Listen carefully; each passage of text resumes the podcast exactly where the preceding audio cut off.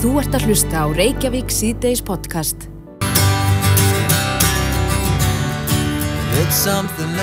Jæja, þá að stóru fréttunum. Já, þær eru stórar, kannski smáar, svona í ljósi eh, þess sem er að gerast í heimsmálunum í dag. Já, en, en, en sömur sem að fylgjast vel með fókbalta, uh, ég skilja það að þetta eru greiðlega stóra fréttir sem er að berast frá Chelsea. Já, nú er búið að frista eignir Abramovits, eiganda Chelsea, þannig að mm -hmm. hann má gorti selja félagið eða, og þetta hefur reyndar meira áhrif, hann má ekki selja miða á leiki, er það? Já, svo gæti Chelsea mist aðal styrtaraðalansinn. Það var bárust fréttir að því núna síðdeis að fjarskipta fyrirtæki þrý ætlar að endur skoða samstarfsitt við félagið eftir að eignir Abramovic voru fyrirstar. Já, það er spurning hvort að bara liði geti leikið undir þessum kringustæðum. Gumi Ben, komið til okkar, velkomin. Já, takk fyrir það. Hvað, hversu alvarlega fréttir eru þetta fyrir uh, fókbóltafélagið Chelsea?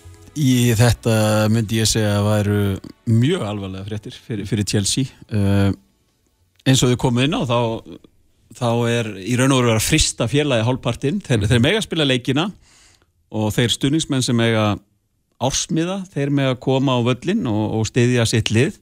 Þeir mega ekki hins vegar selja miða á aðra miða á, á leikvangi þeir mega ekki selja neitt í kringum völlin mm -hmm. Þeir mega ekki semja við, ný, við leikmenn sína það er að segja framlengja, þeir mega ekki kaupa nýja leikmenn þeir mega ekki selja leikmenn heldur.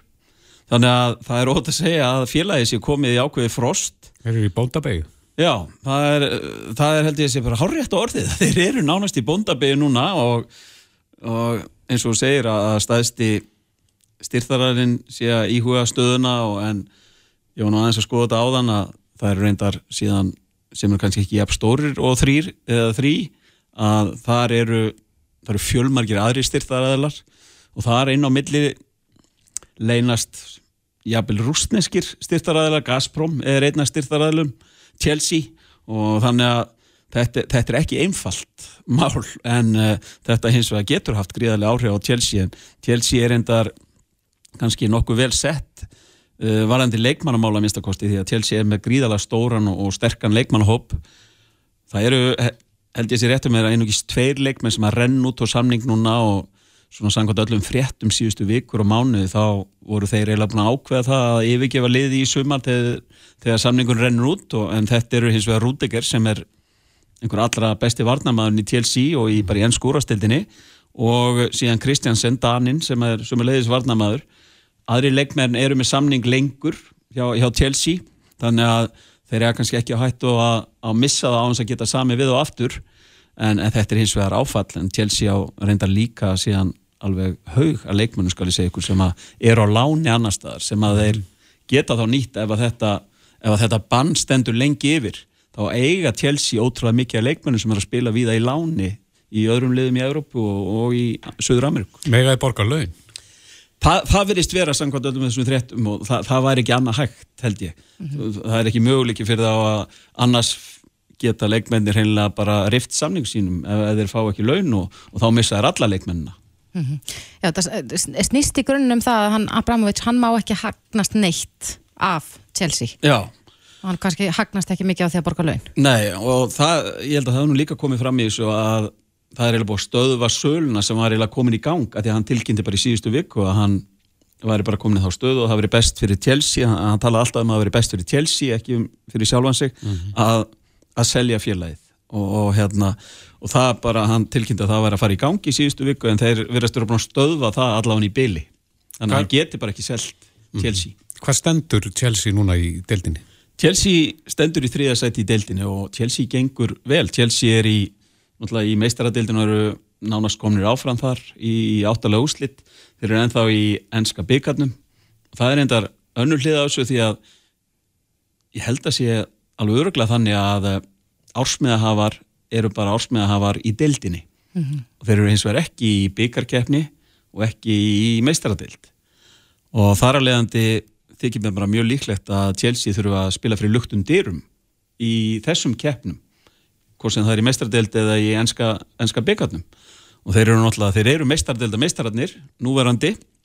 Og það, það skiptir miklu máli og ég kannski skýrast að dæmi um það hvað það skiptir máli að vera með áhörundur var eiginlega í gær þegar við sáum Real Madrid einhvern veginn með áhörundum sínum snúa við nánast, ég ætla að segja hálftöpuðu tabli gegn PSG en, en það, þá bara svona maður fekk þess að tilfinningu aftur sem að við erum búin að sakna í tvö ár að vera áhörundar laust nánast hún kom aftur í gæri og gæsa húð og allur, allur pakkin sko. Ok, ég verð nú bara viðkennið það að ég hef aldrei farið á, á fókbóltaleik bara nánast í lífinu en, en, Þú átti eitthvað skemmtilegt Já, eitthvað mjög mikið, ég er bara, ég er rétt að byrja í fókbóltamálum, skal ég segja Nei, en, en ég veldi fyrir mér ef það er tvölið að keppa gæti hitliðið seltinn? Það er nefnilega, það voru fréttir að byrja staði bara rétt á það nefnitt að þar var, ég held að sé Brentford sem að eigi næst leik á Stamford Bridge og þeir voru einmitt að óskeftir útskýningum á því hvort að þeir megi selja mm -hmm. þá miða sem þeir eiga rétt á til sinna stundismanna og þeir voru bara býða til svari við því þannig að það er ekki komið í raun og Þannig að það gæti verið að þetta verði bara mjög, mjög miskipt, bara fullstokkan öðrum megin og tóm hinn megin. Fyrir aftamarkið bara, en, en ásmega hafið þið mega mæta, þannig að og það er, það eru ég veit nú ekki alveg hvað eru margir hjá Chelsea en ég get alveg ímyndað mér að þeir séu um það byrjum 20.000 Já, já, það er slætti En, en hafa, sko, komið eitthvað viðbröð frá sko, leikmönnum eða, eða stjórnendum þarna? Ekkert frá leikmönnum, Chelsea gaf frá sér uh, yfirlýsingu áðan, það sem að uh, þeir töluðu um að uh, þeir myndu að sjálfsögðu fara eftir þessum reglum sem að, sem að Breska ríkistjórnum er búin að setja þeim. En þeir vildu hins vegar fá einhverja nánarir útskýringar á einhverjum hlutum og, og, og ætluðu að senda það tilbaka og býða bara eftir svörum svörum frá yfirvöldum. Það er ekkert í myndinni að leifa sölun að gangi í gegn, það voru komin einhver, einhver áhuga samir það ekki? Jú, og það voru nefnilega... Þó nokkur sem, sem að hafa sínt áhuga, en svona þessar reglur virðast vera svolítið beint náttúrulega fyrst og fremst af Róman, eigandanum, því að það er svona, virðist vera, tilgangurinn virðist vera það að hann eigi ekki að hagnast neitt á því að selja Chelsea hann hefur tilkynnt að allur hagnaður muni renna til þeirra sem hefum sárt að binda í Úkrænu mm -hmm.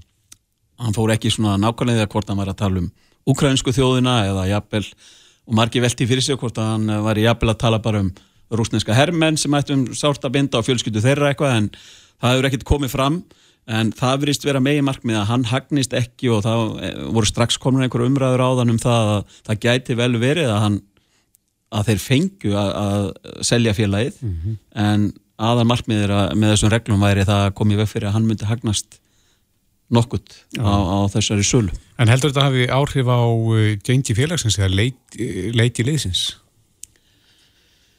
Þa, það er nefnilega ómulögt að segja að oft í erfiðum aðstöðum og ég held að sé alveg ótt að segja það að Chelsea félagi er komið í svolítið erfiða aðstöðu en oftar en ekki sjáum við einhvern veginn einhvern veginn eins og, eins og lið, íþróttalið einhvern veginn saminist þegar að það eru erfileikar í kring eða eitthvað þess áttar og, og það getur vel verið að, að það verði raunin en það er í raun og raun ómulett að segja á þessari stundu.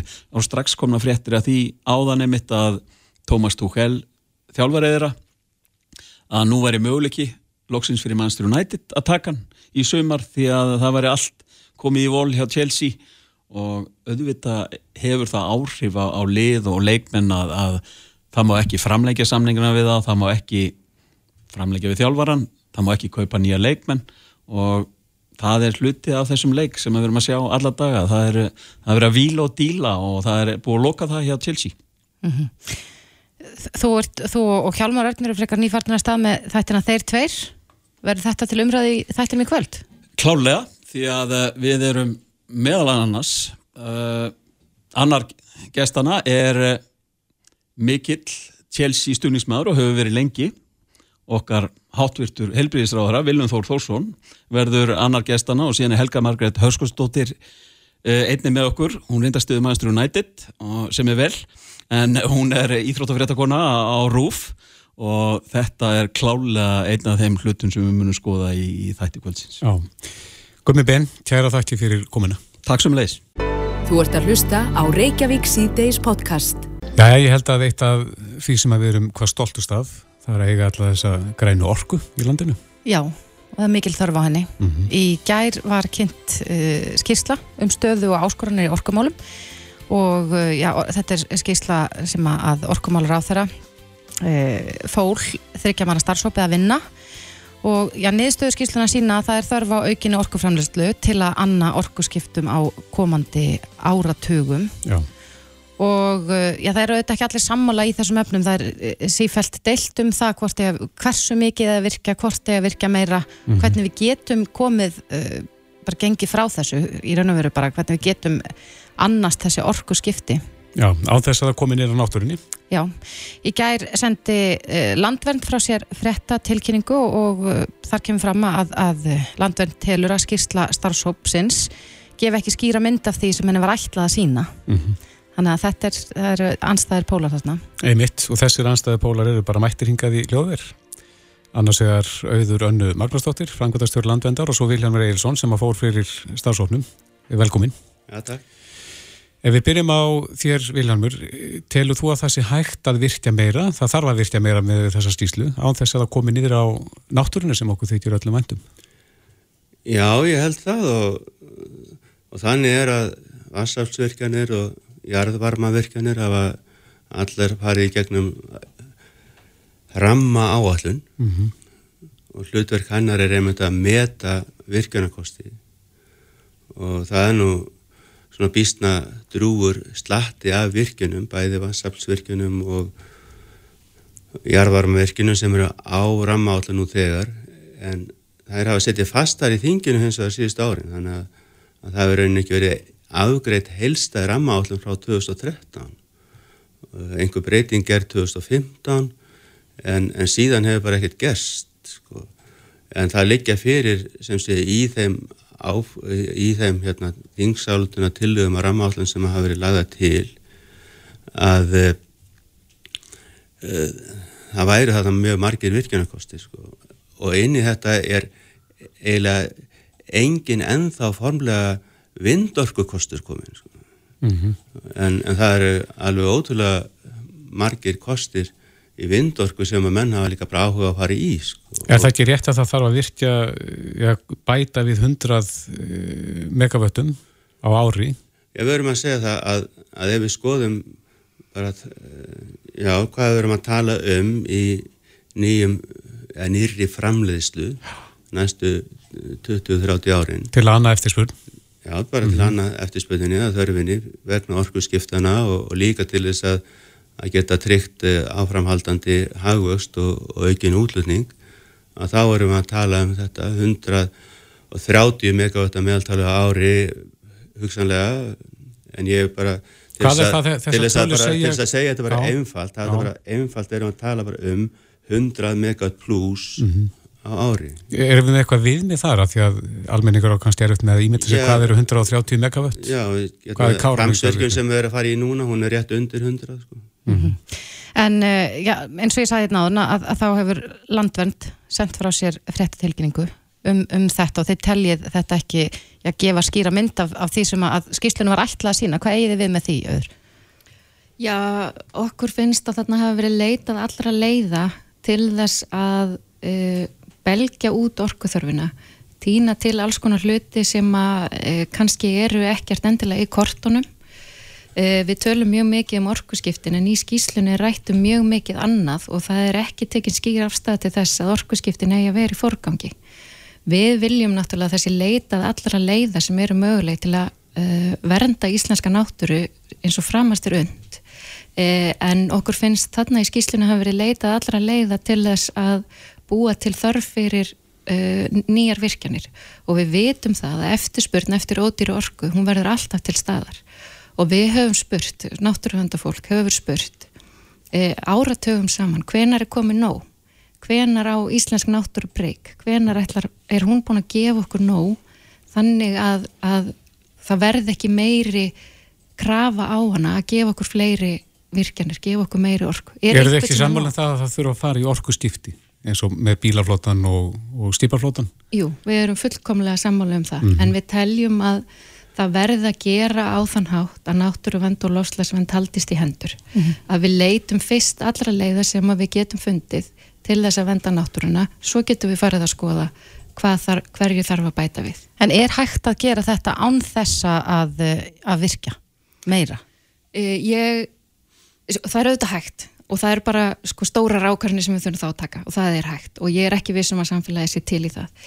Ég held hins vegar að við séum mjög langt frá því að þurfa tvöfalda eða, eða meir en tvöfalda e, orkuframleysluna mm. eins, og, eins og framkemur í skýslunni, ég held að þetta sé eitthvað miklu, miklu minna en það við gerðum svona back of the envelope hérna, svona grófa útreikninga e, á því hvað það gæti verið e, sem að þyrta bæta við til 2040 og ef við förum í alvöru orkusbærandi aðgerðir og, og virkilega reynum að lifa á sjálfbæran hátt og í sátt við náttúruna, ekki reyna að drotna yfir henni, heldur að lifa í sátt við hana e, þá gætu við verið að tala um eitthvað mellir 100 og, og 300 megawatt. En þú er ekki trú á því almenningu sér til í, í þetta?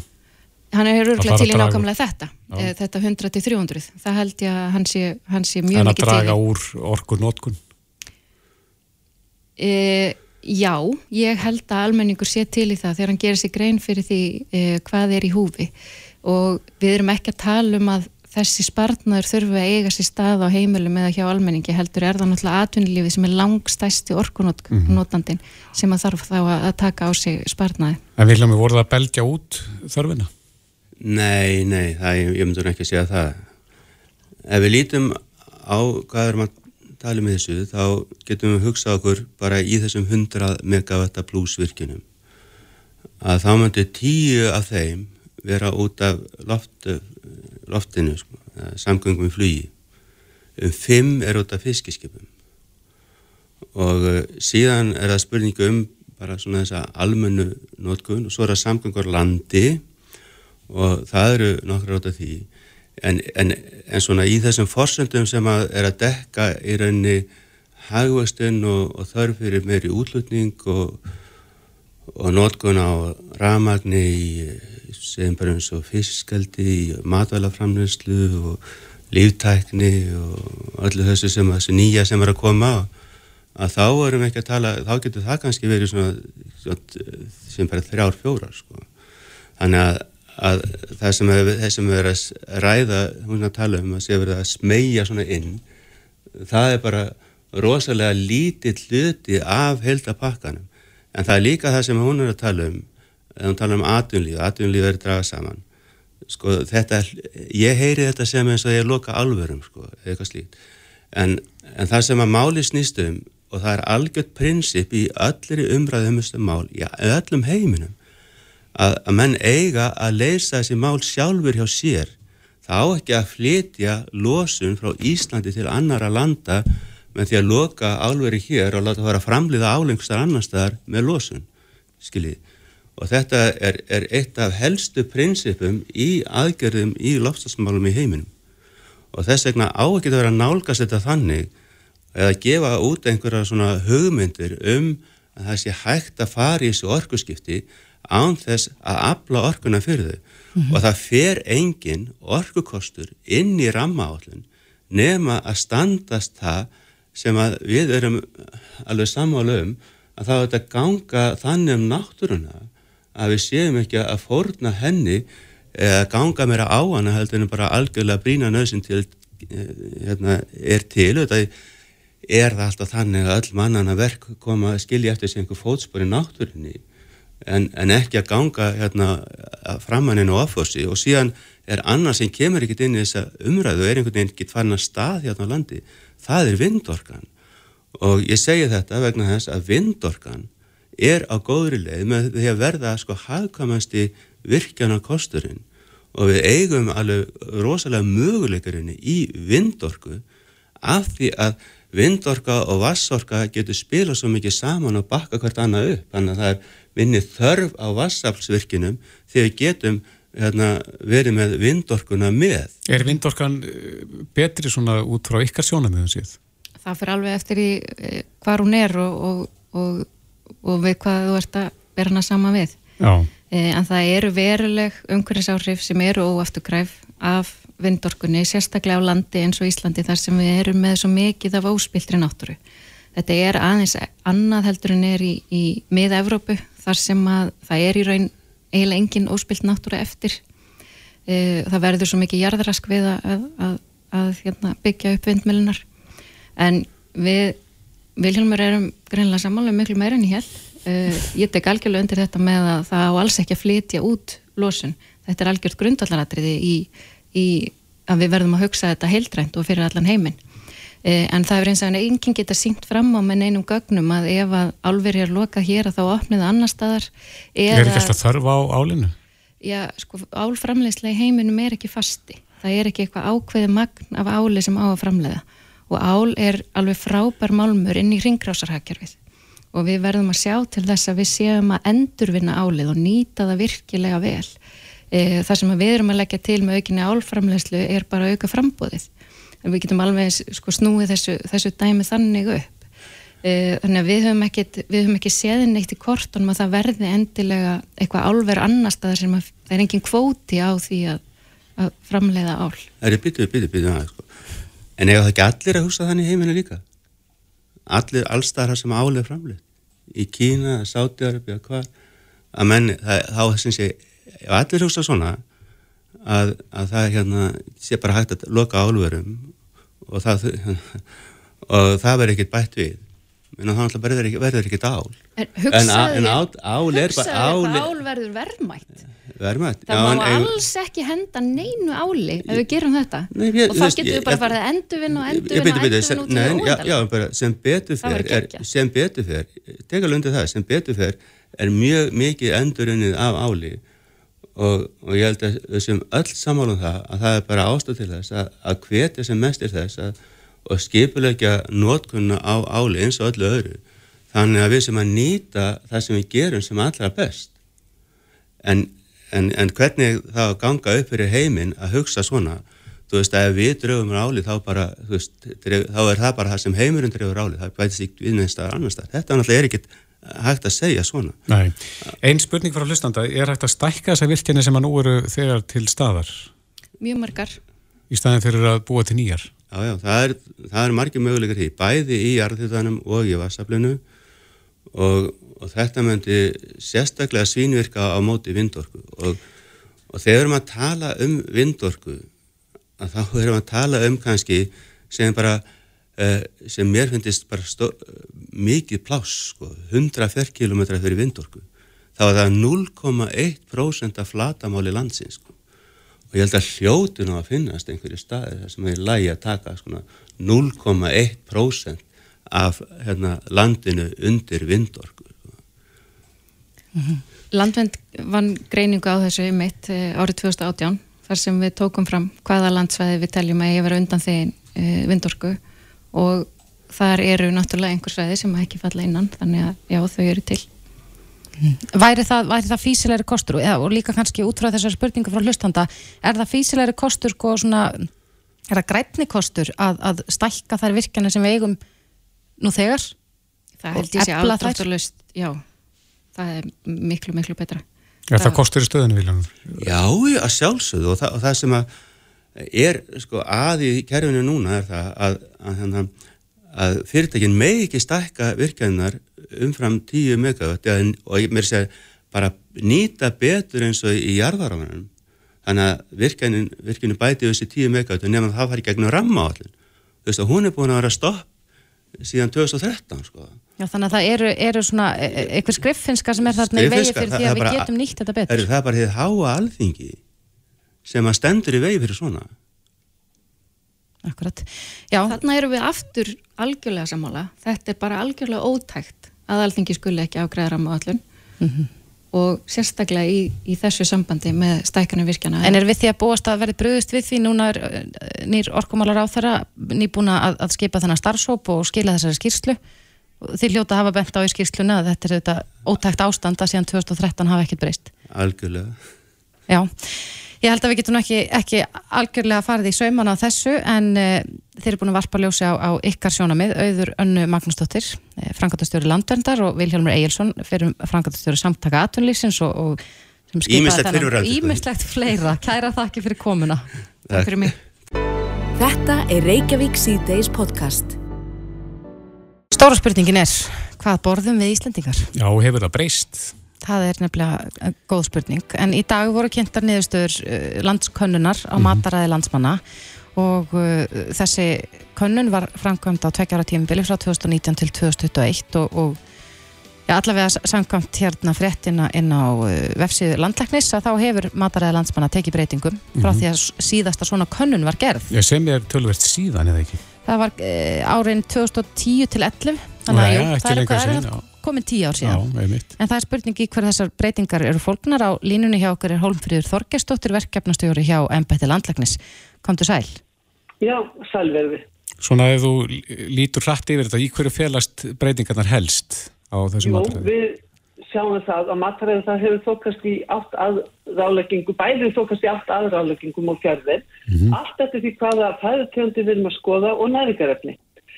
Og það er mikil breytileg í matræðinum millir kynja og aldursóta og ef við lítum svona á þessar helstu breytingar að þá er nesla á viðbættum sigri hefur minkað. Mm -hmm. Sem er ánægilegt. Já, það er mjög ánægilegt og sömulegis nesla á rauðu kjöti en annað sem er ekki eins ánægilegt er að nesla á ávöxtum hefur minkað og nesla á grænmeti stendur í stað mm -hmm. er ekki aukist sem við vorum að vonast til. Akkurat. En, en, en uh, þú, þú tala nú aðeins hérna um, eh, nei við heyrðum í fréttum áðunum járnskort, uh, tengist það því að uh, við neytum, erum ekki að neyta eins mikið af rauðu kjöti?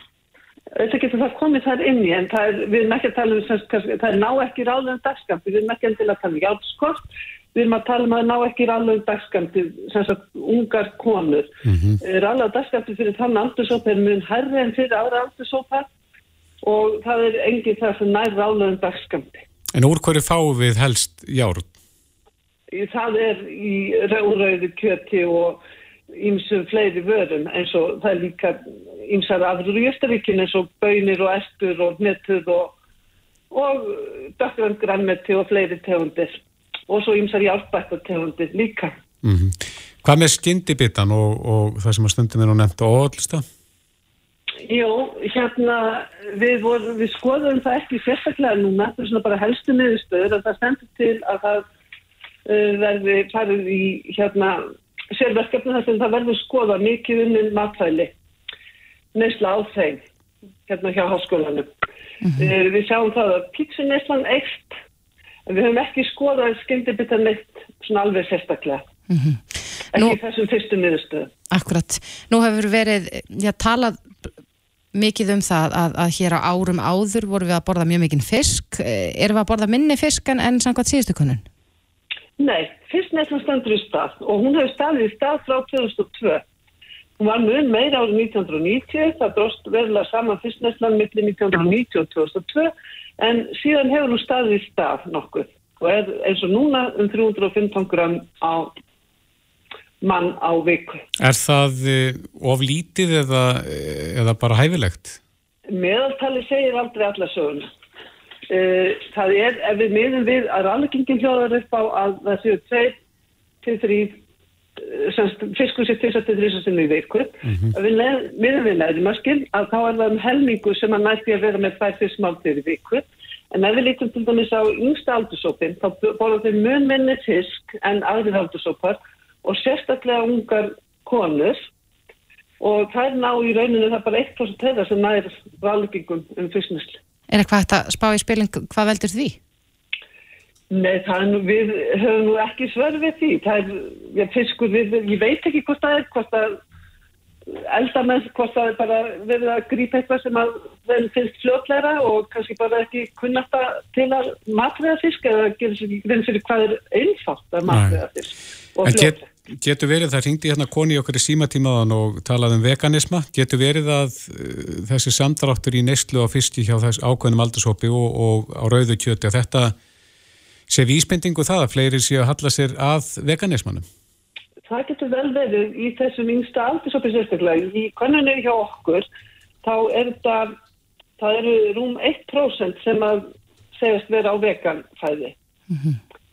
Er það hæra hlutvallin áður? Og annað annað, annað eins sem sagt núna annað 1% sem er á grænmetisfæði. En yngsti aldursópurinn við erum með þær sem sagt hann er það var færðið þáttekar sem það var erfið að ná í þann aldursóp þannig að hann er ekki eins vel representeraður í kvanninni mm -hmm.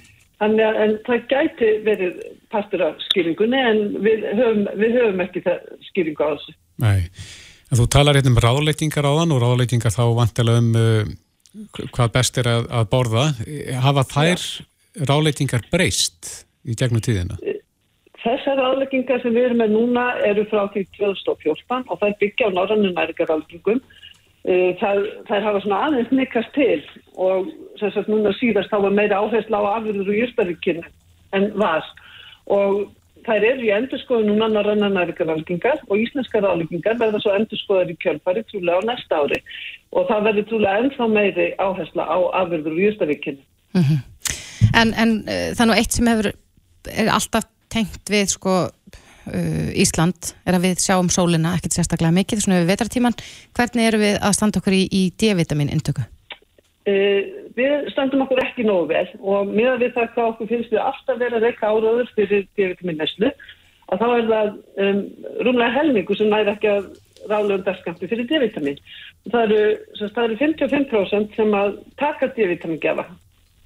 Það er nöysilegt fyrir okkur að taka D-vitamin sem bætefni vegna þess að það er í svo fáum fæðutegundum mm -hmm. og eins og nefndi þá nýtu sólar ekki við hér nema hluta úr ári. En þérst að fara að bæta D-vitamin í fleiri matur, þetta var nú svolítið verið gert hjá mjölkusamsölun að, að D-vitamin bæta mjölk til dæmis? Já, það komu D-vitamin bættu drikkjamjölk, það var svona sérvara sem það sett á marka með D-vitamini. Mm -hmm. e, það þarf bara að skoða það, hvort að það sé hugsaðilegt að þurfa að gera það. En er eitthvað í, í þessum niðurstöðum sem er svona sérstakt áhyggju efni fyrir ykkur hjá ennbætti landlæknis? Það er auðvitað áhyggju efni þetta með D-vitamínu og við sjáum líka jóð, nesla á jóði hefur minkast og það er sérstaklega í hópi ungra kvenna. Og það er sagt, mjög, mjög mikilvægt vítamin fyrir þann aldur sem fyrir batveiknir og sagt meðgöngu og fyrir fyrstlætti fæðningu þannig að það er, er áhyggjafni og þetta með D-vitaminir tólat, nesla tólati er sem sagt hjá þessum hópi líka ungum konum Skortur á því. Og svo bara viljum við sjá meiri neslu á áherstum og grænmeti og heilkortna vörum. Bönum, estum, netum og fræðum. Úr hvaða fæðu fáum við jóð? Það er aðalega fiskur og ísan er besti jóðgjafinn og svo mjölkuvörur. Mm -hmm. En, en maður heyrir... Jóðbæta einsar vörur, sem sagt veganvörur, en það er alls ekkit allar. Nei, en maður heyrir það nú svolítið á þessum niðurstöðum hólfríður að, að ungar konur eru pínu fyrir utan svegan þarna, eru, já, ekki að innbyrða nóg af, af þessum uh, til dæmis jóði og hjártni og, og fleira. Þarf að, að epla fræðslu fyrir þannan aldursóp? Það þarf alltaf að grípa til einhverja aðgerðar varðandi þennan aldursóp einmitt. Fræðslu og einhverja aðgerðar það þarf bara að skoða þetta betur En strákarnir, eru þeir ekki einslæmi málum? Þeir eru kannski ekki einslæmir en þessi aldursópur er líka til þess að minnislega hjá þeim er er minni en annar að hópa og svo framvegist þannig að það, það er líka það líka skoða þann hóp Akkurat. Já, þetta er áhugaverða niðurstur Hólmfrýr Þorgersdóttir, verkefnastjóri hjá Embætti Landlæknis. Kæra þakki fyrir að segja okkur frá þessu. Já, takk. Þetta er Reykjavík C-Days podcast. Við höldum áfram hér í Reykjavík C-Days og ætlum nú að snú okkur að uh, stríðinu mm -hmm. í Ukrænu og í dag fór fram fundur auðrækisráð þeirra Rúslands og Ukrænu í Tyrklandi en mm. hann bara ekki árangur því meður Nei. en það er þá ekki búið að útloka að það verði fleiri fundir og, og, og mögulega hvort að Vladimir Putin, Rúslands fórseti og, og Vladimir Selenski fórseti Ukrænu mm -hmm. muni funda Já, hittast fórsetanir e, Þórtís Kolbrún Reykjörð Dílvadóttir, hvernig er það komið til okkar, velkomin Takk fyrir e, Hvernig metur þú stöðuna núna? Æ, mér, mér langar mjög að vera bóðbyrð ykkur að jákværa frétta en, en hérna því miður þá er veist, stað núna er einhvern veginn ennþá þannig að við erum að fara lengur og lengra út af brautinni. Veist, það bara, við sjáum það í, af fréttum, myndefnum, veist, hvers eðlis árásutnar eru inn í Úkrænu. Uh, það er verið að spreng, sko, senda sprengjur á sjúkrahús um, þar sem að konur er að fæða börn þannig að þetta er svona veist, það eru þarna borgir sem hafa verið án ramags og vass og, og, og hérna, það er svona verið halvpartin einhvern veginn að plata fólk að fara að stað til þess að flýja og svo hérna er því ekki gert kleift að gera það. Um, vissulega komur að stað einhverja viðræður en, en veist, það er ekki mikil bjart sín eða svona mikil von í þeim eins og staðinni núna. En þú veist það allavega er verið að er verið að hittast og það er verið að planast líka fundi þannig að við þurfum að gera við þurfum allavega að vonu að þeir skilja árangra því við getum, minna, við, við getum ekki haldið svona áfram. Það eru, veist, það eru allir að tapa um, í stöðun eins og hún er, er núna og svo eigum við eftir að fá fram þú veist, bæði fólk finnur strax fyrir því hér, minna, það tekur hérna, bensin og bílinsinn og það tekur eftir því að það hækkar og hækkar uh, áhrif á bara kveiti og korn og, og hérna, þú veist, ábyrður fyrir landbúnaðaframlegslu, þú veist, þetta er mm -hmm. stríð gerir þetta og það er ekki bara sko, það er ekki bara viðskiptaþinganir, heldur stríð bara, það, þá rofna aðfakakeðjur og, og svona, þannig að ég held að við þurfum svona að hugsa það að það, við munum finna fyrir þessu, við munum finna efnaðslega líka fyrir þessu en hérna kostnar við það að verja frelsu og sína samstöðu er, er hérna alltaf lítill svona í samhengi við það hvað er undir veist, mm -hmm. það, við séum bara það, sé, það er raun verið að ráðast á það kerfi sem við höfum byggt upp og eigum allt undir að haldi og ef það tapast eða laskast þá, þá er það alltaf miklu meiri ósugur og tap heldur en nokkuð tíman fórnarkostnari við þetta og í samhengi við það sem að þetta blessa fólk er að kljást við núna þá er það þú veist, þá er það smávægilegt sko, þótt ég áttum alveg því að fólk finnir fyrir því. Akkurat. Fórseti Ukræni saði í dag, hann var í fullvissum að, að rúsneska yfirvöldi eru sótt til saka fyrir stríðsklæpi fyrir þessa árás á, á barnaspítalan sem þú myndist á hérna á þann í, í Marjupól.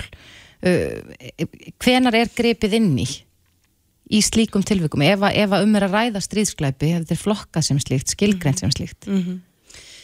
Ég, sko það, það er raun verður einfallega að fara svona sína leið inn í þessum alþjóðlegu kanalum sem við höfum byggt upp og það er sko, ef maður horfið svona tilbaka við höfum lagt okkur allt fram um að í marga ára og tíu við að byggja upp svona kerfi bæði til að standa vörð um friðin og til þess að koma í vekk fyrir stríð og svo verður stríð og þá einhvern veginn erum við að reyna að beita það verkverði sem við höfum búið til og okkur finnst við svolítið vannmátti í því vegna þess að hinnaðalinn, þú veist, mæti með skriðdraga og sprengi sjúkrahús.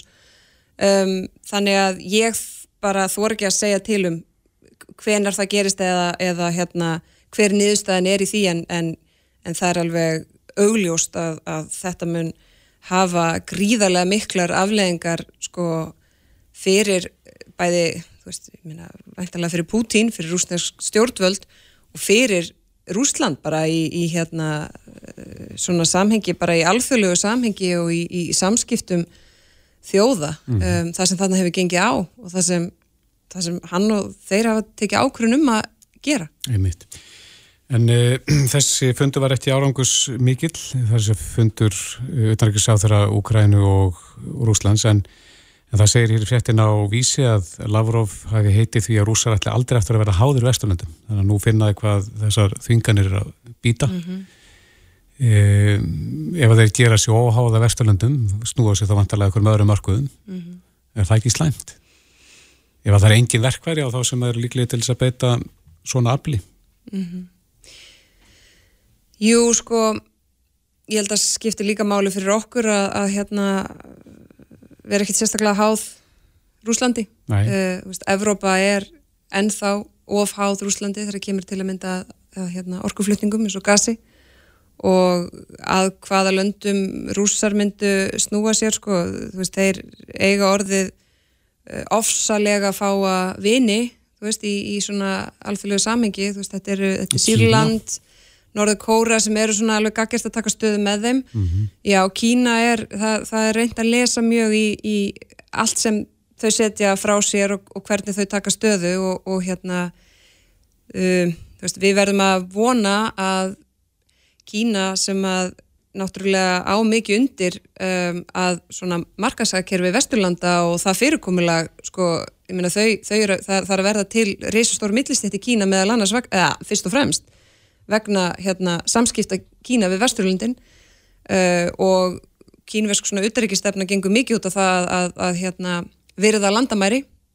Þannig að ef þau ætla svona út af við að, að hérna meina það þá líka aðgakast öðrum um, að þá væri óskandi að þau myndu tala í þá veru en, en hérna en jújú, jú, þú veist auðvitað er auðvitað fylgið því sko vandraði þegar að við þegar heimurinn skiptist upp í mjög svona, ykkur strísfylkingar sko, mm. það sem eru hérna Eh, mikil, sko mikil svona játtjöld og mikil meiningamunur á öllum sköpum hlutum en, en hérna rúsna stjórnvöld eins og þau eru skipið núna hafa sínt að, að þau er ekki mikið að spila í svona þeim heimsluta svona þeim gildum sem við eigum allt undir að, að verðu ofan á þú veist, ég minna smáriki eins og Ísland ég held ekki okkur vilji einhvern veginn standa í, í veruleika það sem að herrafli og, og hérna uh,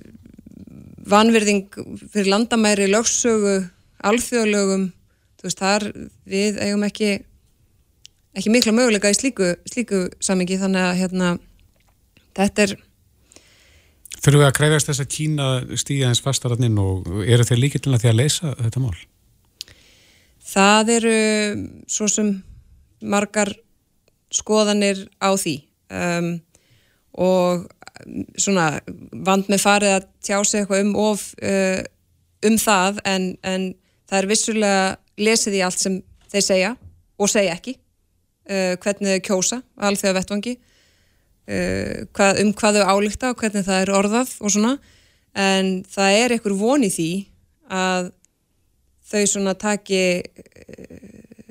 afstöðu sem skiptir máli bæði bara, fyr, bara þeirra kalda hagsmunamatt meðalans út frá því að þau eiga í mjög miklum viðskiptum við okkur og sömu leiðis að, að hérna, þau leggja mikið upp úr því að landamæri séu virt sem mhm. er ekki gert í þessu tilfelli.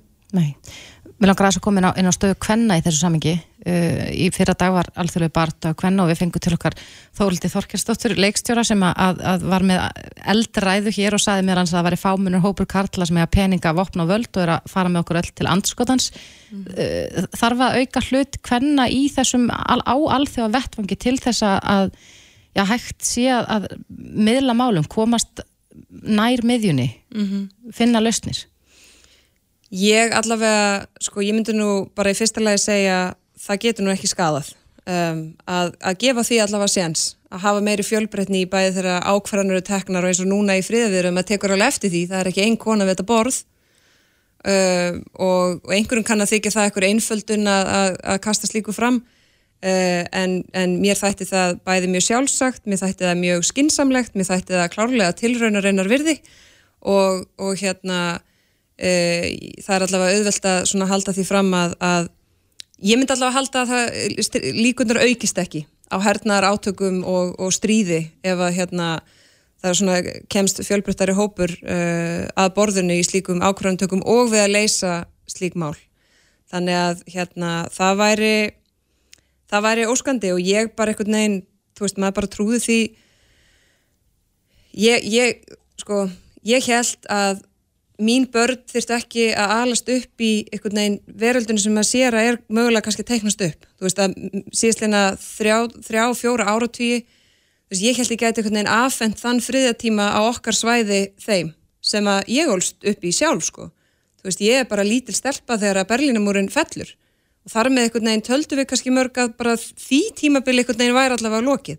Og nóg ennú samt, þú veist, ófriður, ójöfnur hungur og sárafátækt og svo eru með, þú veist, lofslagsbreytingar og afleggingar og því þjóðflutningar uh, þú veist, allt þetta, nóg enn og samt. En að vera komin í eitthvað svona gamaldags stórkalla, smá sálu stríð með einhverjum skriðdregum og sprengjum og sjúkrahúsum hérna bara í þar næsta landi er bara eitthvað sem ég held að svona takja alveg bara venjulegt fólk smá stund að, að hérna, meðtaka sko. Og fyrir utan síðan allar, allar þar afleggingar sem það síðan hefur á ymmit, þú veist, hvort sem það er sko efnahagslega eða síðan líka aftur fyrir öllum þessum réttindum, þú veist að það kennir mann alltaf líka bara það sem maður kannski alveg vissi en, en, en samt, þú veist að barátt fyrir, það er eilíf barátt hvort sem það er barátt fyrir frelsi barátt fyrir borgarlum réttindum barátt fyrir sko réttindum hinsegin fólks það sem við eigum sko svo langt í land barátt fyrir hérna réttindi barna, kvenna, ungra stúlna þú veist, þetta er er, þar, það er svo, það er bara þar augnablík og þá erum við bara komin einhvern veginn mörg skref aftur og bakk og það er það sem að er bara hrikalega svona erfitt að viðurkenna og sættast á. Þú veist, maður held að þegar maður er búin að byggja upp svona upplugt alþjóða kerfi, alþjóða samfélag og svona mekanisma og verkværi til þess að takast á svona luti, svo bara þarf bara einhverja örf á að kalla með einhverjar surrealískar hugmyndir til þess bara arkast að og senda hann einhverjar þú veist, átjónara drengi sem að vissu ekki einu sem væri að fara stríð sko, sem ringja sig hann bara grátandi í mömmu sína og heldu þeir væri bara í Rúslandi eða Belarus eða eitthvað, eða á æfingu eða eitthvað og eru bara, þú veist, þetta er þetta er náttúrulega bara harmleikur einhvern veginn á, á allan mögulegan máta og og hérna ég held að væri allavega tilurinn að verði að, að hleypa fleiri konum að Já. því að láta, láta að reyna að gera þetta einhvern veginn öðru sí. Þóldís Kolbrún Reykjavík Gilóttóttir, utaríkisöðara. Kæra þakki fyrir komuna. Takk. Reykjavík síðdeis á Bilginni podcast. Það er ótt að segja þessu blíkur á lofti þegar það kemur að ímsu málum, e, náttúrulega efnahagslegar afleðingar stríðsins í Ukrænu. Mm -hmm. En svo erum við líka fannir að tala um matala öryggi. Það kemur, held ég að við hirti eitthvað staðum 30% af kveiti og korni sem að framlettir í heiminum kemur einmitt frá þessum tveimur landum, Rúsland annars vegar og Úgrænu hins vegar. Akkurat, við, við rættum nú um daginn við Björn Berg Gunnarsson uh, hjá Íslandsbanka þar sem vorum að fara eins yfir þessi efnagslu áhrif og hann saði að þetta gæti haft mikil áhrif á matvæla framlegslu og uh, okkur skilst í það minnsta að við erum nokkið ennfarn að sjá bein áhrifa af þessu mm -hmm. en að, já, ef að áframheldur sem horfir að, að þá gæti þetta ja, þýtt það að það verði gríðarlega mikill uh, matvæla skortur. Já, en hann er með puttana púlsum þegar kemur að þessum álum Haraldur Benediktsson, þingmaður sjálfstæðarflokksins, var að formaði fjárlæðanemndar, fyrirhandi uh, formaður bændasamdagana og bóndi. Hann er marga hatta. Margir hattar á loftið þarna, sæl. Já, góð með sæl. Já, hver er raunveruleg stað og hverna fyrir við kannski að sjá svona afleiðingarnar þarna? Herðu, við förum að sjá uh, væntanlega bara núna í hækkanir á influttu fóðri, að segja kodni til landsins, hvort sem að það er nota til uh, fóður blöndu framlöslega eða, eða til brauðgerðar eða hvað við erum að nota mm -hmm. kveitið og, og það í sko. Uh, það hafa voru gríðarlega hækkanir á undarförðum dögum uh, alltaf 30% eða ríflega 30% hækkun og kveitið sá ég á markaði Danmarku bara á stöttum tíma. Já. en eh, svona skýslur eða greina sem ég voru að lesa um þetta núna þar eru menn, jú, segja þetta menn hækka og það sem menn hafa áhugjur af er raunverulega kannski meiri setni hlut ársins 2022 og 2023 Þá komi áhrifin kannski að fullu fram. Já, þar ganga menn svo langt að fullir það hver allar að skamta matinn stóð nú í einni fyrir sög sko en ég held að við förum kannski ekki alveg svo langt eða ég veit ekki, þetta er nú e, hérna bara nokkru dagar liðinir en það sem mun ráða er e, að því að þið nefndu sem að ég, sem upplýsingar að 30% af korninu komið frá Rúslandi og Ukraínu mm -hmm. það mun ráða þá núna menna nú þurfa menn að fara að plæja aðgarana þar og, og undirbúna sáningu, undirbúa sáningu. Og hvernig með það ganga, hvaða, í hvaða ástandi verða, e, verða helstu þættir í samfélaginu til þess, hvar er mannskapurinn? Og, og síðan ef það kemst nýður hvernig gengur að þreskja og, og hérna, koma kottnir á markað? Og þá er, þá er sá hluti og þá kemur aftur viðskiptabannið til sögunar uh, að hluta, þannig að það er setni hluta ásins 22 og árið 23 sem enn eru að hafa áhugjur af. Mm -hmm. En þetta hefur markvíslega áhrifið það ekki, ekki einungi sko á matvæla verð heldur líka á framleiðslu og, og, og svo eru þetta að tala um sko fóður og áburð og, og allt saman, þannig að þetta tegir ánga sína við það. Já, þannig er framleitur eitthvað um 8-9% áburði í heiminum í þessum löndum og það segir ekki alla söguna því að liklega um 26-27% af ábyrði hérna í Norður-Európu er uppbrunnin sem að bændur nota í, í vesmiðum í þessum löndum. Og uh, þar mun það byrtast á næsta uppskjöru tíma. Það mun reynda byrtast fyrirvarandi landbúnað í svona öðrum álfum í heiminum. Eh, sáningu í, í hérna, Suður Ameríku og, og þar sem uppskjöru tím er raunverulega að fara í hönd mm -hmm. núna að, að þetta verða mikil dómin áhrif á svo marga þætti okkar samfélagum. Síðan er náttúrulega bara ástæði til að rifju sögunar hérna frá 2008 þegar þegar brauðið hækkaði í verðið og, og menn tala nú um arabíska vorið, mótmælin og uppþjóðan sem voru til dæmis í Sýrlandi 2008 sem að hefði orðið kreikjana og erðum sem að þar raunur að standa enn já. megi með beinum hættir reykja til mataverðshækkana Já, já En við hefum nú stundur rætt um sko matala öryggi hér og, og hvort að við getum verið sjálfum okkur næg er, er eitthvað sem að við getum gert hér til þess að reyna að stoppa í þessu gött Já, við getum gert ímislegt. Við erum náttúrulega fyrst og fremst grasræktarland. Þannig að það er stór hluti á okkar landbúnaði byggir nú fóðu framherslu sína á grasi. Já. En við, við erum líka háð ábyrði, það er grasið háð ábyrði og, og hérna kjattfóður í, í, í þremur megin búgrinum, alifuglum, svínum, mjölkuframherslu. Mm -hmm. Við þurfum að nýta öll ábyrðarefni sem við getum komist yfir og laga rættunar ástand túnana með kvölkun túna og nýta ábyrg betur og, og bara í dag sá ég auglistan mjög hérna áhuga að vera fund bænda á snæfisnisi þess að mennur fættur að huga hringrásakerfinu og hvað er í um, umhverfi bændana sem þeir getur nýtt á einhver leiti sem ábyrð. Við getum líka strax fara að huga því að nýta úfjár ábyrð betur -hmm bæta geimslu hans og nýtingu tækni við dreifingu hans en e, það er alveg ástæðið fyrir okkur að hérna vakta ástandið og grýpa þegar til að það lausna sem við getum til að, til að mæta því sem að mögulega blasi við okkur. Akkurat. Hver þarf að gera það? Eh, fyrst og fremst eh, er þetta bændurnir og, og síðan eh, höfum við í aðtunni að nefnd þingsins að því að hann og ennett hatturinn sitja þar að svona, verið að ræða við til dæmis smatalar ráðnöndið um að, að greina stöðuna hver eru uppbrunni okkar e, þessara ráðarna sem nefndi korn og ábyrðar mm. stöðu byrðahald hér heima hvað eigum við mikið og hvað er vænt að við eigum mikið af matalum En þetta er eitthvað sem þarf að, að, að skoða bara mjög uh, rætt og öruglega, þegar ekki? Jú, það þarf að vera uh, bara vöktun og einhvers konar aðgerða vöktun núna næstu vikur og mánuði til þess að, að hérna halda utanum upplýsingar og, og bregðast við þess, eftir því sem hægt er. Já, einmitt. Og áttu vona því að það verði? Er, eru menn vakandi og eru menn að hlusta?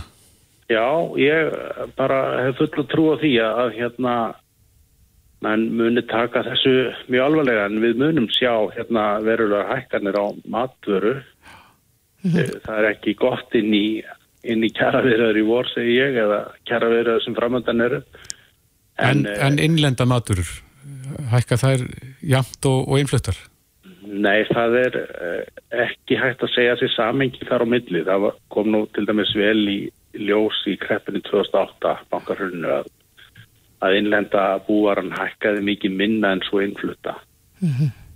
og það voru mikla hagvarnir fórnar í því eiga innlenda landbúnað en landbúnaðar 2022 og landbúnaðar 2008 en og því miður ólíkur að framhátt að við höfum fluttinn stærri hlut á okkar kjötneislu til dæmis heldur en áður var mm -hmm.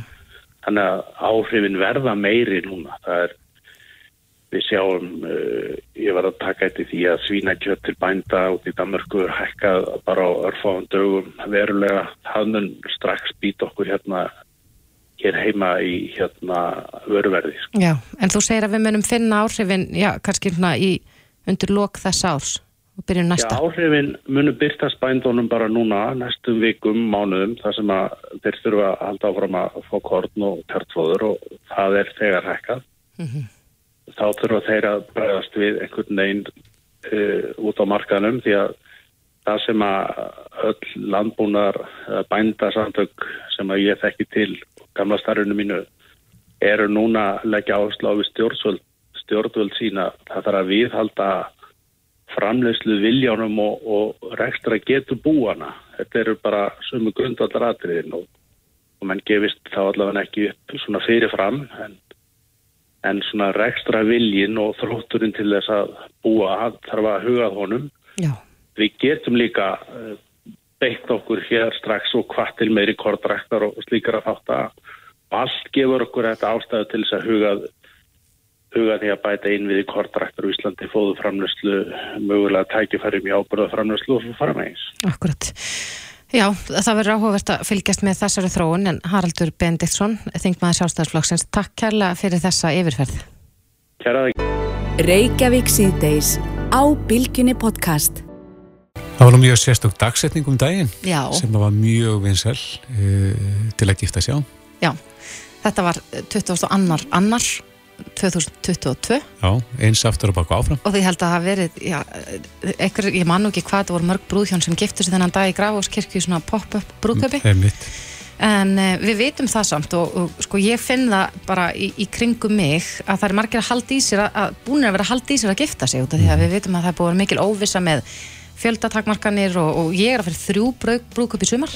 Já, það er mjög mikið að minn mælikvarða sko ég er nokkið fólk sem er í spreng. fólk sem er í spreng og kannski búið að vera ætlað að gifta sig hérna 2020 eða 2021 og svo er búið að fresta og fresta. Já, þannig að eh, já, það er mikið að gera í, í þessum bransa. En uh, við rákumst á, mjög áhugaverðan viðbur sem er svona hálgert brúðkaups expo sem er svona Já, síning, svona sýning, svona sýning þar sem eru margir aðilar uh, sem koma saman og sína Mhm. vöru sínar, bjóð upp á smakka af mat, afslætti af alls konar vörum auðvitað, maður veit að, að sko, brúðkaupsveislur eru alls konar, það Mhm. eru blóm og það eru skreitingar og það eru matvæli, það eru uh, sko atriði og, og þar getur maður lengi talað áfram Já, og sumir plana bara langt fram í tíman, þannig Mhm. að það er kannski ákvæmt að, að skoða hvað er í bóði. Já, en þetta expo er uh, frá nýju fyrirtæki sem heitir og smáatriðin og er svona brúðkaupsplönunar fyrirtæki. Já, sem sér bara um pakkan frá að til lög. Mér skilst það, hún er komin til okkar Alina Viljónsdóttir, eigandi og smáatriðin. Já, hæ, takk aðeinslega fyrir að fá mig, bara ótrúlega gaman að koma inn á svona stutnum fyrirvara en bara geggja gaman spennt að spilla við ykkur. Já, bara gaman að fá þig hingað, en uh, getur þú kannski aðeins sagt okkur bara frá fyrirtækinu þínu og smáatriðin? Já, e, þetta er svona eins og ekkit svo algengt, náttúrulega viðbyrðafyrirtækin eru frekar mörg hérna heima og ég myndi segja alveg miða við vísutölu ef að, svo oft fólk talar um það, þá eru við erum með mörg plönunafyrirtæki en það sem er svolítið svo öðruvísi er að flest þeirra eru náttúrulega sérhafið svolítið, mikið í bara viðbyrði fyrir fyrirtæki og svo eru nokkur brúkusplönunafyrirtæki hérna sem ég veit af sem eru aðalega fókusur svolítið á erlendamarkan eins og þið vitið mikið af erlendum ferðamönnum náttúrulega að koma hinga og gifta sig og það er mjög vinsælt um, en það er rosa lítið eða bara enginn sem er að eins bara sérhafa sig í bara brúðkaupum fyrir brúðhjón hérna heima.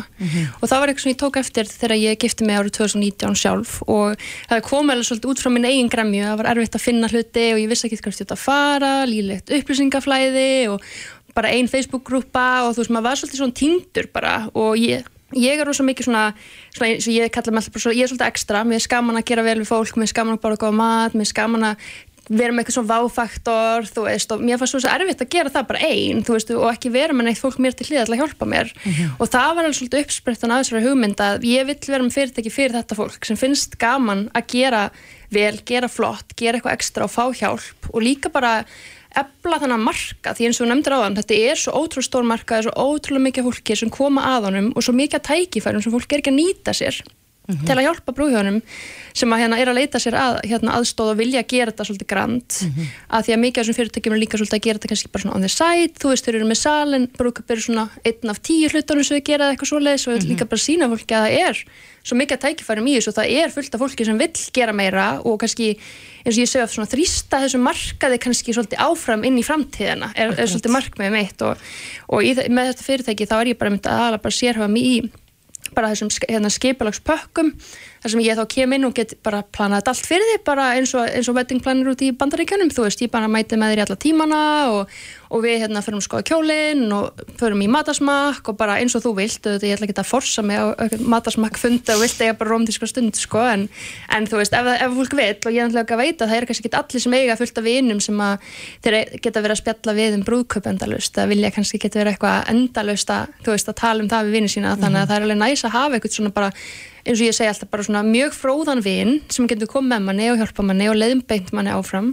Og svo náttúrulega er ég bara með alls konar millipakka eins og, þú veist, pakka fyrir 69 mánuði og kannski byrjuð að plana eða ef þú er kannski með lítið brúðkaup þá þarfstu kannski ekki alveg að vera að plana eins og nefndir á hann með rosa miklum fyrirvara kannski ár eða tvö fram í tíman þá er bara 69 mánu bara mjög fint tími mm -hmm. og svo líka bara svona litla pakka fyrir fólk sem kannski vill plana þetta sjálft en Já. hérna vill bara fá einhverja aðstóð bara e- einhvern hafa sér eitthvað við hlið og þá er mann bara meira hittast, taka fundi og svona hjálpa á leiðbina og svo leiðis og það mitt verið til staðar og svo týnist ekki í þessum, á þessum markaði og svona mm -hmm. En finnir þú það að, að eins og við tölum að setja með á þann sko að fólk er svolítið í spreng, það eru margir sem eru búin að vera býða með að gifta sig og halda brúðköpin finnir þú það að mikill áhugi á, á svona þjónustu núna? Já, alveg bara klikkastlega mikill áhugi. Mér finnst það bara svo, hérna að vera að tala um mannum minn á hann, bara svo hlæðilegt hvað, þú veist, ég er sérst búin að vera líka með bóðskortafyrirtæki núna einhvers tvö ár, bara í byrjun COVID og það var rosalega hæg fæðing, en svo með þetta þá, þú veist, bara er rosa mikil eftirspurn og ég held að sé líka bara því að það, þetta er eitthvað sem ég sjálf hef tekið eftir og margir er bara mikil vöndun á þessu, þú veist, það er engin einhvern veginn að hjálpa eins og segja, ekki erfitt að finna og svona þannig að það er rosa mikil eftirspurn og eins og þú segir, ég er alveg með kuna sem eru sko búin að reyna kannski í þrjú ára að gifta sig bara, þú veist, ætlaði að gifta sig bara byrjun 2020 og svo skall COVID á og það er bara búið að breyta kannski alveg líka um stíl bara frá uppröðnulega hugmyndinni og, og þú veist og fólk er náttúrulega alveg svolítið spennt og fólk var og mikið að halda aftan sér enda náttúrulega ótrúlega leiðilegt að leggja svona mikla vinnu í eitt stóran dag mm -hmm. til þess að þurfa svo endur skipulegja, ég menn þetta er bara tvöföld vinna að fara að svo endur plana daginn, þóttu sér búin að bóka allt sko, þú veist þú þarfst að senda alveg yfir hundrað e-mailur og þú veist og færa þetta allt til um dag og sal og svo kannski salurinn ekkert laus og nýjum degi og allt þetta, þetta er miklu meira en að segja sko að fara að færa daginn svona með COVID sko. Mm -hmm. Man hefur nú heyrta að, að það sé sko að maður þurfir hennilega að bóka kirkju og bóka sal bara með ársfyrirvara út af því að það er bara erfitt að koma stað í á kannski þessum vinsalstu stöðum. Er, er það raunin að fólk þarf að vera að byrja að snemma, það er kannski ekkit, ekkit ráðlegt að gifta þessum mjög stöðum fyrirvara? Já, ég held að við bara, allir sem ég hef talað við og náttúrulega búin að mynda með svolítið gott hengslanit í markanum er bara það að Íslandingar eru frekar seinir á því bara almennt og margir sem að kannski átt og það kemur bara frá bara eins og segja að fólk veit ekki veist, að þetta tekur tíma og ástæðan fyrir því er eins og segja náttúrulega núna sérstaklega í COVID er náttúrulega rosa mikil eftirspurning svo nefndir þannig að það er um að gera að vera ennþá meira tímanlega mm -hmm. en vennjulega líka bara þú veist að þessi hlutir taka tíma og það eru svo margir aðalir sem koma að stóra deginum og þess vegna er svo mikilvægt að byrja þú veist að bara minnstakosti segja allir í bransanum bara ár, með ársfyrirvara.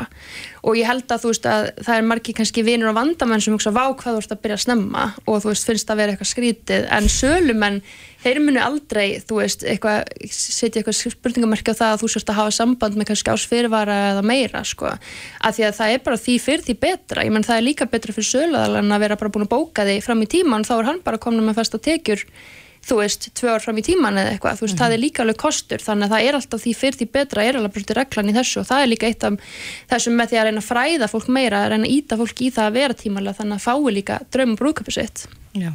En við rákumst á þannig viðburð sem að, að, að þú ert að halda mm -hmm. uh, á Sjálandi verður þetta, þú veist ég sagði brúköps expo er þetta bara svona eins og brúðköpssýning?